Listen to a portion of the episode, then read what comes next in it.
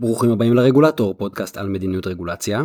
אני גיא, והיום יש לנו פרק מיוחד, סיכום שנת 2018 במדיניות רגולציה. לפני ארבע שנים מדינת ישראל אימצה תפיסה של מדיניות רגולציה ולקחה אחריות על הכללים שמנהלים את החיים שלנו. בתוך כמה שנים עשינו קפיצה גדולה מאוד קדימה. 2018 הייתה שנה מצוינת, והנה המהלכים המרכזיים שקרו במהלכה. כתבתי על כל אחד מהם בעבר, ואם אתם מתעניינים בהם בקרו בבלוג. בפוסט סיכום השנה יש לינקים לפוסטים מפורטים על כל אחד ואחד מהם. אז המהלך הראשון שלנו הוא הרפורמה ברישוי עסקים. זה ללא ספק הדבר הכי משמעותי שקרה בשנים האחרונות. שינוי שישפיע לפחות על 150 אלף עסקים. זו רפורמה ענקית שהופכת את כל המערכת.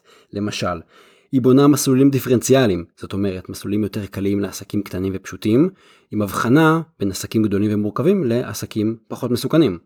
בנוסף היא קובעת מנגנון של אישור בשתיקה, זה אומר שיינתן רישיון אוטומטי בחלוף כמה ימים, שאם הממשלה לא עונה לבקשה למתן רישיון, העסק מקבל את הרישיון באופן אוטומטי.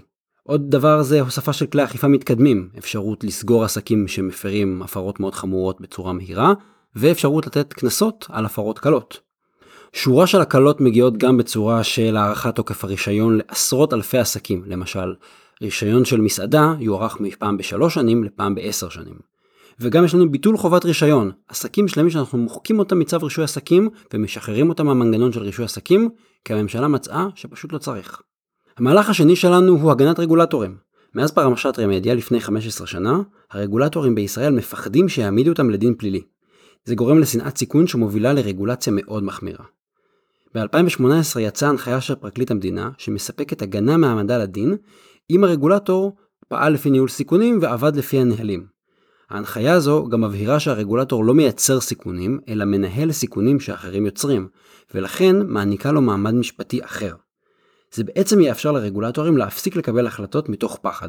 מהלך שלישי הוא הסרת חסמים משפטיים לדיגיטציה, וזה דבר ענק. אז יש לנו פה עוד מהלך משפטי חשוב, ושימו לב להתגייסות של המשפטנים לעזור לנו לשפר את הרגולציה. בתחילת השנה הכנסת תיקנה את חוק חתימה אלקטרונית כדי לאפשר סוגים נוספים של חתימה מוסמכת על מסמכים. בנוסף, יש בקנה הנחיה של היועץ המשפטי לממשלה, שמסירה שורה של חסמים לדיגיטציה. למשל, היא מבהירה שמסמך דיגיטלי הוא טוב כמו מסמך מקור למשל, ואין חשיבות לעותקים בעולם הדיגיטלי. מהלך רביעי הוא המדריך הממשלתי לניהול סיכונים ברגולציה.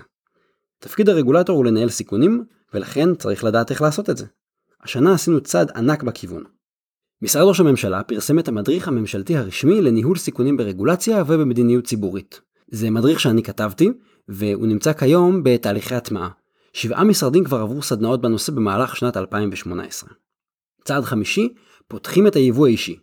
לאחר עבודה כלל ממשלתית, פורסמה טיוטה של צו יבוא אישי. זה צו חדש שיקבע כללים מקלים ליבוא אישי. הצו עצמו התפרסם רשמית ממש בתחילת 2019. במקביל, המשרדים השונים מעדכנים את ההוראות שלהם כדי להעניק פטורים והקלות. זה יבוא שכל אחד מאיתנו מזמין איזה בטריה או מכשיר קטן מאי-ביי וברור שהוא לא שקול ליבוא מסחרי. הצעד השישי הוא שישראל משתפרת במדד Doing Business. ההידרדרות של ישראל בשנים האחרונות נבלמה והתחלנו להשתפר ולטפס במדד. ב-2018 השיפור הזה הוא בעיקר הודות לרפורמות שמשרד המשפטים ביצע, בדגש על תחום רישום המקרקעין, הטאבו. והצעד האחרון, הצעד השביעי, הוא החלטת ממשלה מספר 4398 על רגולציה חכמה. זו התפתחות ממש מהשבוע האחרון של 2018. מה שקרה זה שבשנתיים האחרונות ה-OECD בחן את מדיניות הרגולציה בישראל ואת המוסדות ואת המנגנונים שלה. והוא בדק איך מקדמים את המערכת לשלב הבא. ההמלצות של ה-OECD הוצגו לממשלה, ובעקבות זאת התגבשה החלטת ממשלה שמיישמת את ההמלצות האלה. היא מחזקת את המנגנונים ובונה תשתית יותר טובה לקבלת החלטות. למשל, מה העקרונות שלנו? שנשתמש יותר במחשוב, נחזק את הפיקוח, נחזק את האכיפה.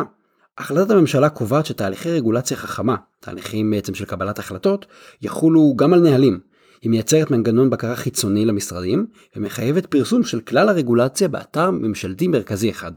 כל אחד מהשינויים האלה הוא תוצר של תהליך של לפחות שנה וחצי. זה תהליך ארוך, מייגע, סזיפי, שבסוף הבשיל לשינוי מערכתי. 2018 הייתה שנה מעולה לציבור, בזכות שיפור איכות הרגולציה בישראל. את חלק מהדברים אתם עדיין לא מרגישים, אבל תהיו בטוחים שבשנים הקרובות הם ישפיעו באופן ישיר על החיים של כולנו. יש לנו דרך משמעותית לעבור, אבל אפשר להיות בטוחים ש-2019 היא תהיה שנה שבה נהנה ממדיניות חכמה ואיכותית יותר. עד כאן להפעם. אתם מוזמנים לשלוח אליי שאלות במסנג'ר של עמוד הפייסבוק ואני אשתדל לענות עליהן במסגרת פינת השאלות והתשובות. תודה שהאזנתם לעוד פרק של הרגולטור. כדאי לעשות מנוי באפליקציות השונות כמו ספוטיפיי, ככה לא תפספסו פרקים. אתם מוזמנים לעקוב אחריי גם בבלוג וגם בפייסבוק. בבלוג תוכלו למצוא לינקים למקורות ולפוסטים בנושא, בפרט לכל המהלכים והרפורמות שראינו ב-2018. תודה לסוניק פורמאץ על עריכת הסאונד, התכנים משקפים את דעותיי בלבד.